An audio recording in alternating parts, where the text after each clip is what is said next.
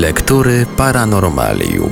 Dziś w lekturach Paranormalium zajrzymy do kolejnej ciekawej książki. Tym razem będzie to pozycja, która ucieszy osoby zainteresowane wszelkiego typu proroctwami, wizjami przyszłości itd. Tak Książka Zbigniewa Przybylaka o tytule równie apokaliptycznym co jej okładka. Proroctwa i przepowiednie końca świata i dobre dla Polski. Książka wydana została w 1991 roku, więc część zamieszczonych w niej przepowiedni zdążyła się już sprawdzić, a może i nie. Wciąż jednak spora ich część czeka na zweryfikowanie. Ponadto autor pokusił się również o analizę samych przepowiedni oraz tego, dlaczego one w ogóle powstają i do czego są nam potrzebne końce świata. Radio Paranormalium zaprasza do lektury.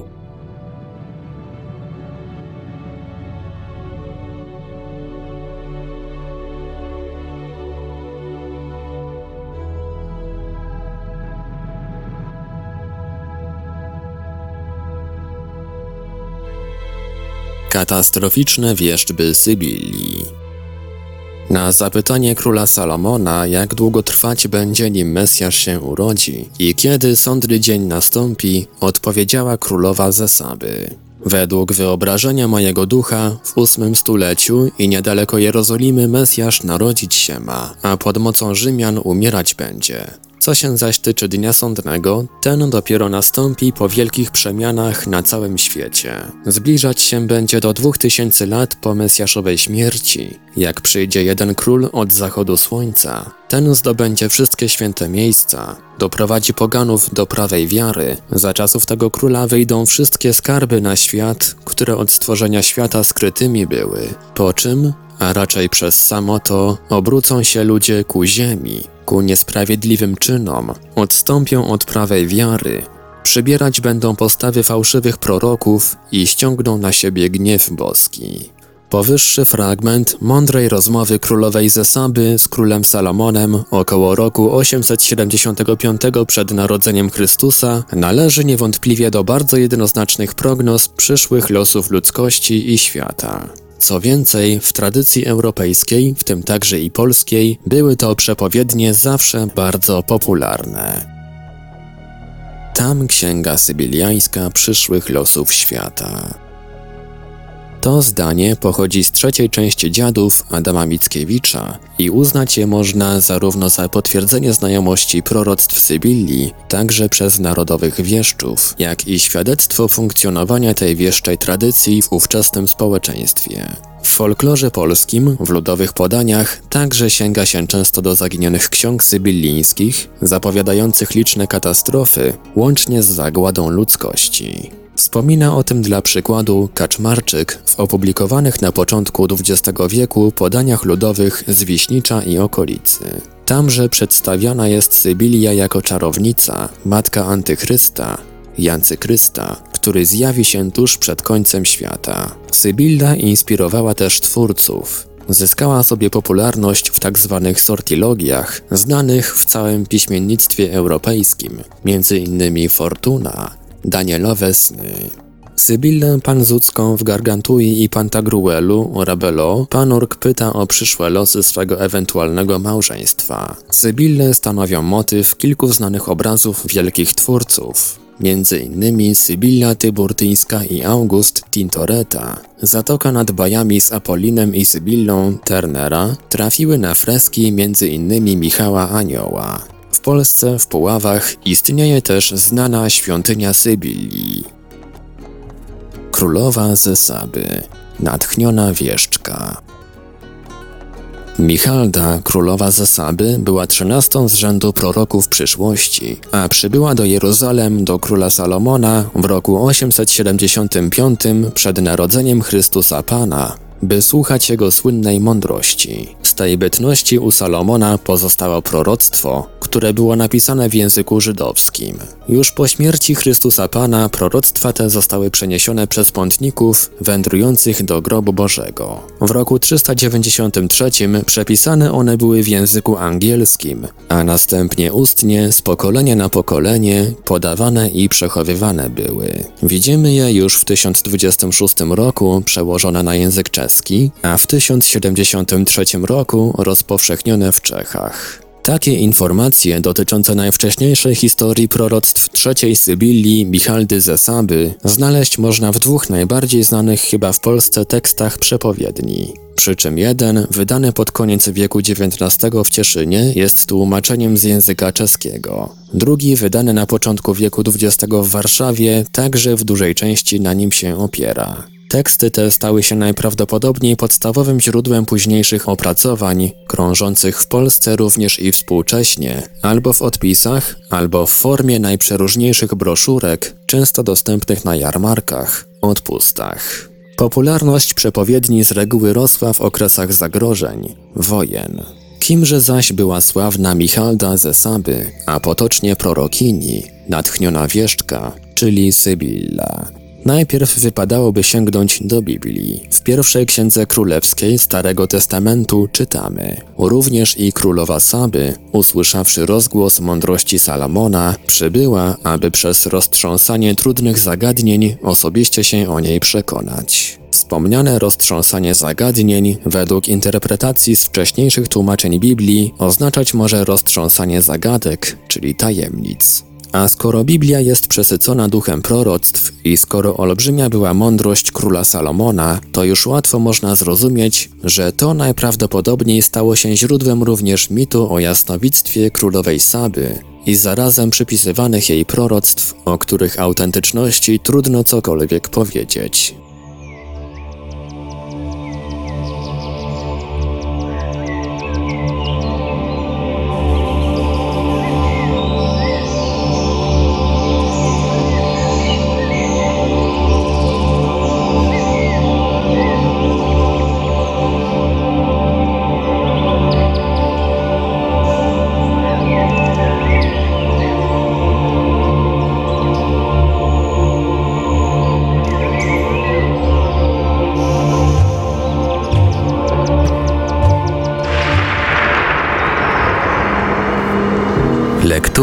Paranormalium. Prorocze Księgi Królowej Saby dziełem sybillistów. W zasadzie sądzi się, że to, co trafiało do rąk licznych czytelników przed wiekami, jak i dzisiaj, nie ma wiele wspólnego z tak zwanymi księgami sybillińskimi z okresu starożytnego Rzymu i że jest to raczej powstały w okresie wczesnego chrześcijaństwa całkowicie nowy zbiór ksiąg proroczych, którego autorami byli natchnieni mężowie gmin chrześcijańskich, posługujących się językiem charakterystycznym dla dawnych pogańskich wyroczni, stąd także sybillistami nazywani. Ich spisane proroctwa z czasem oznaczono również mianem ksiąg sybillińskich. Współcześnie za podstawowy ich zbiór uważa się dzieło Oracula Sibillina, wydane w Amsterdamie w 1689 roku przez Galeusa. Na nim wzorują się raczej późniejsze wersje nowych Sybilli, często zresztą rozszerzane o wplatane różne dodatkowe przepowiednie. Dowodem tego może być wersja czeska, z uwagami dosyć szczegółowymi odnośnie przyszłości Czech. Po drugie, uważna lektura pełnego tekstu proroctw królowej Saby skłania do wniosku, że wielekroć zbieżne są one z proroctwami wielu ludowych mistyków, ale także znanych wieszczów religijnych. I znowu nasuwa się pytanie, czy wieszczyli oni zupełnie niezależnie, czy też chociaż częściowo korzystali z wizji swych poprzedników? W jakim też stopniu ewentualne ich przepowiednie trafiały do rozpowszechnionych proroctw królowej Zesaby? Sybille, prorokinie z boskiego natchnienia.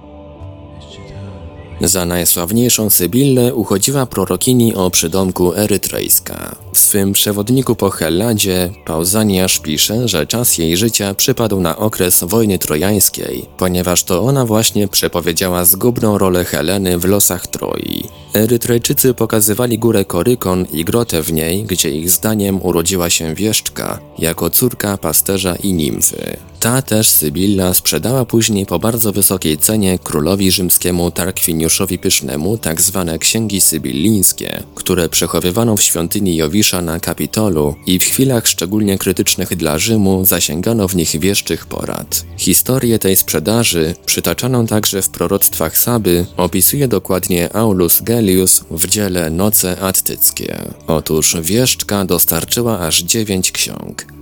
Zażądała za nie bardzo wysokiej zapłaty. Tarkwiniusz ze śmiechem odrzucił propozycję. Wtedy wieszczka trzy księgi wrzuciła do ognia i zażądała za pozostałe sześć takiej samej ceny. Władca również odmówił. Wówczas spaliła dalsze trzy księgi, a za pozostałe trzy żądała ponownie takiej samej zapłaty. Wtedy dopiero Tarkwiniusz, domyślając się wysokiej wartości ksiąg, zdecydował się je kupić, żałując oczywiście, że nie zrobił tego wcześniej. Równie sławna jak erytrejska była też Sybilla Kumańska. Żyła jakoby tysiąc lat, tak więc wieszczyła także Eneaszowi, gdy ten przybył do Italii. Według podań dożyła ona też czasów Tarkwiniusza Pysznego, któremu to ona właśnie oddała za wysoką opłatą księgi sybillińskie. Sądzi się więc, że pod imieniem Herofile, które jej także nadawano, była ona identyczna z Sybillą erytrejską. Generalnie, jeśli wierzyć historykom starożytności, a nie bardzo jednoznacznym wstępom do proroctw, sprawa osławionej Sybilli, a właściwie Sybil, jest bardzo pogmatwana. Takie bowiem imiona, jak pisze Stefan Oświecimski, nadawano wieszczkom, też kapłankom prorokującym indywidualnie, cytując tylko z doraźnego natchnienia Boga, bez żadnej podniety zewnętrznej, najwyżej czasami po wypiciu wody ze świętego źródła. Nie wiązały się też one na stałe z danym miejscem, lecz przenosiły się do różnych wyroczni i świątyń związanych z kultem Apolina. Tak więc ustalenie liczby indywidualnych Sybil i ich imion było sprawą niełatwą już dla samych starożytnych. I tak Platon mówi o jednej Sybilli, Arystoteles i Arystofanes mówią o Sybillach. Varron w Rzymie wspomina o dziesięciu. Ta też liczba upowszechniła się w I wieku przed naszą erą, co jednak nie wyczerpywało całej listy. Są to Sybille delficka, erytrejska, kumańska, samijska, italska, tyburtyńska, helesponcka, frygijska, libijska, chaldejska. Wielu autorów wymienia niewątpliwie te same Sybille pod różnymi imionami. Przyjmuje się zaś, że okres pojawiania się tych wieszczek przypada już w czasach pohomeryckich, bo u Homera takiego wieszczenia nie było na VIII do VII wieku przed naszą erą, czyli okres wzmożonej kolonizacji greckiej. Wracając zaś do ksiąg sprzedanych Tarkwiniuszowi, to zbiór ten, łącznie z proroctwami Sybilli Stibur i z przepowiedniami zwanymi Carmina Marciana, miał stanowić urzędowy zbiór proroctw przechowywanych w świątyni Jowisza na Kapitolu. W 83 roku przed naszą erą zbiór ten spłonął. Wtedy spisano nowe księgi przepowiedni, które specjalni wysłannicy przywieźli z różnych wyroczni i Sycylii. Nowe księgi złożono w świątyni Apolina i radzono się też z nich w czasach cesarskich. Po raz ostatni w 363 roku. Spalono zaś je na polecenie Stylichona w 405 roku naszej ery. Jak korzystano z tych oficjalnych, niejako urzędowych odnoszących się do losów państwa przepowiedni? Otóż dostęp do nich mieli kapłani, zwani też interpretes Sibillini, skupieni w kolegium złożonym z dziesięciu, potem piętnastu członków. Na żądanie Senatu, gdy groziła wojna lub inne niebezpieczeństwo, w obecności wyższych urzędników znajdowali kapłani rady i wskazówki, jak postępować. Niekiedy też nakazywali składać ofiary, by odwrócić niebezpieczeństwa. Jak już wspomniałem, uważa się, że współcześnie znane przepowiednie sybilińskie nie mają nic wspólnego z księgami sybilińskimi.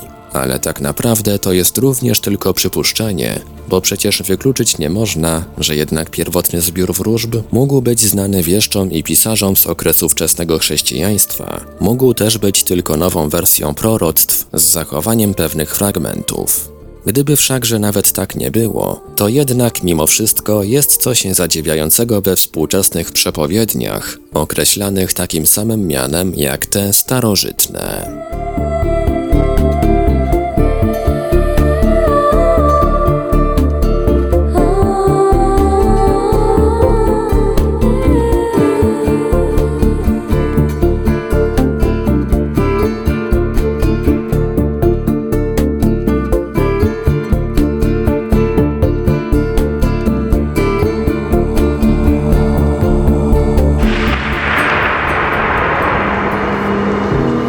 Lektury Paranormalium. Znaki końca świata według Michaldy ze Saby. I zapytał się król Salomon, aby mu królowa oznajmiła, jak długo świat stać będzie. Odpowiedziała królowa, królu, tej wiadomości nie mam, albowiem Bóg aniołom swoim tego nie oznajmił. Jednak przed tym dniem ostatecznym dziać się będą cuda boskie. Następnie wymienia się siedem znaków. Pierwszy to pocenie się wszystkich zwierząt krwią. Drugi to trzykrotny wschód słońca od zachodu. Wtedy ludzie zaczną się lękać i pokutę czynić. W innych wersjach przepowiedni mówi się tutaj o przemianach księżyca i jego ukazywaniu się od wschodu jeden raz po drugim. Trzeci znak to świecenie czerwonym blaskiem słońca, księżyca i gwiazd, dzięki czemu ludzie ku Bogu wracać będą. Czwarty znak to ogromna posłucha, tak wielka, że wszelkie rośliny i drzewa wyschną zupełnie. Kolejny sygnał końca to zapadanie się ziemi i jej palenie w wielu miejscach. Wtedy ludzie swego ostatniego dnia oczekiwać już będą. Szósty znak to wystąpienie z brzegów wód i palenie się ich żywym płomieniem. Sprawi to, że ludzie ze strachu umierać będą, ale nie będą mogli umrzeć naprawdę. Siódmy i ostatni znak to ruchy powierzchni ziemi i równanie się gór, pagórków, tak że ludzie będą się bardzo bać. Powyższe więc znaki pojawią się przed sądem ostatecznym, przy czym, jak głosi Saba, wielu ludziom wydadzą się one jeszcze straszniejsze niż ona prorokuje. A to głównie dlatego, że jednocześnie wtedy urodzi się na ziemi antychryst, potomek diabła i Lucyfera. Zacznie on czynić cuda, odciągać od wiary mesjaszowej ludzi i męczyć tych, którzy mu się sprzeciwiać będą. Pojawią się też na ziemi dwaj kaznodzieje, Enoch i Eliasz, sprowadzający lud z błędnej drogi i demaskujący antychrysta. Ten w gniewie ich zabije co z kolei sprawi, że święty Archanioł Michał zejdzie z nieba i wtrąci antychrysta, jego potomków i naśladowników do piekła, tak jak to uczynił z Lucyferem na początku świata.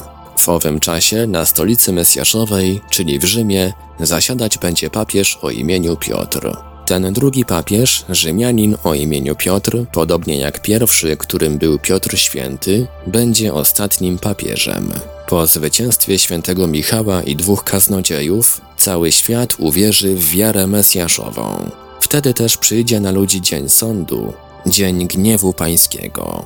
Na krótko przed nim ludzie usłyszą z siedmiu piorunów grzmot straszliwy, trwający siedem dni i niszczący wszelkie miasta i budowle. Zatrzęsie się też ziemia, obłoki, ale jeszcze nikt nie umrze. Na ostatku nastąpi zniszczenie na całym świecie, pęknie skała i cały świat się zrówna jak przy stworzeniu pierwszego człowieka. Po wielkiej ciemności zacznie słońce świecić i będzie w nim pięć gwiazd. Jak rychło ludzie na to słońce i te gwiazdy patrzeć będą, wnet wszyscy po całym świecie trupem padną.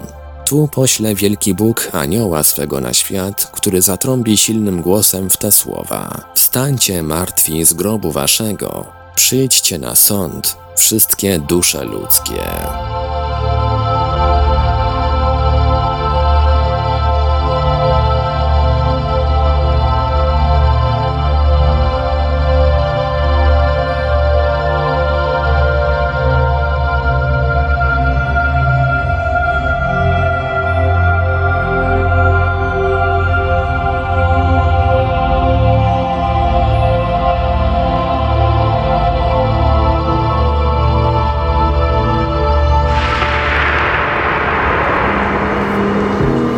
Lektury Paranormalium. 12 znaków przed pomstą Bożą. W proroctwie królowej Saby znajduje się również 12 znaków, które ukażą się na niebie i na ziemi, zanim pomsta Boża spadnie na ziemię. Mają one służyć opamiętaniu ludzi i nawróceniu ich na drogę poprawy. Poniżej przytaczam wierny, niezmieniony w niczym tekst dotyczący tych znaków pochodzący z książeczki Proroctwo Michaldy Królowej Zesaby, XIII Sybilli, księdza Marka, Wernychory i innych. Dodam, że współczesne, popularne wersje tego fragmentu, dostępne łatwo w licznych broszurach, różnią się nieznacznie. Pierwszy znak będzie, bowiem ludzie w dni święte ciężkie prace wykonywać będą. Drugi znak, gdy ludzie od 14 roku życia żenić się i wydawać się zaczną. Wielu się ich wkrótce rozwiedzie i wielki niespokój nastąpi. Trzeci znak, gdy rozliczne kunszta i rzemiosła rozpoczną się, niesłychane i niewidziane, od cudzoziemców sprowadzone. Czwarty znak, gdy dobytek mały wielki użytek da, co się ludziom zdawać będzie, że to czary. Piąty znak, gdy się ludzie staną bezbożni, więcej polubią kłamstwo niż prawdę, a ich serca więcej będą wzdychać ku bogactwu, jak ku Bogu. Szósty znak, gdy ludzie zaczną sprzedawać grunta, domy i inne dobytki za ceny nad zmysł ludzki. Siódmy znak, gdy ludzie zaszczepią wiele ogrodów, winnic i pasiek, pustynie zaczną uprawiać, miedzę rozorywać i rozkopywać i z tego pola orne uprawiać, a przy tym wszystkim będzie chleb drogi. Ósmy znak, gdy się stanie przemiana na pieniądzach, nastąpią rozmaite niepojęte opłaty nieznośne. Dziewiąty znak, gdy czas mięsopustu będzie niesłychanie krótki, tak że ludzie nie będą mieli czasu się rozweselić i wesela odprawiać będą w postne dnie. Dziesiąty znak, gdy podczas zbioru siana ogromny śnieg spadnie i siana zbierać nie będą mogli. Jedenasty znak. Gdy Pan Bóg szkodliwą szarańcz zeszle, która lecieć będzie od wschodu ku zachodu, tak jak w Egipcie za czasów Faraona, a ta plaga wszystko ziarno uszkodzi. Dwunasty znak. Gdy wszystkie drzewa, tak lasowe jak i owocowe poschną, po czym nastąpi wielki głód. Tych dwanaście znaków zeszle Pan Bóg na ten naród, aby lud polepszyć, to strapienie ze wszystkich stron nastąpi, jakie nie było dopóki świat stoi.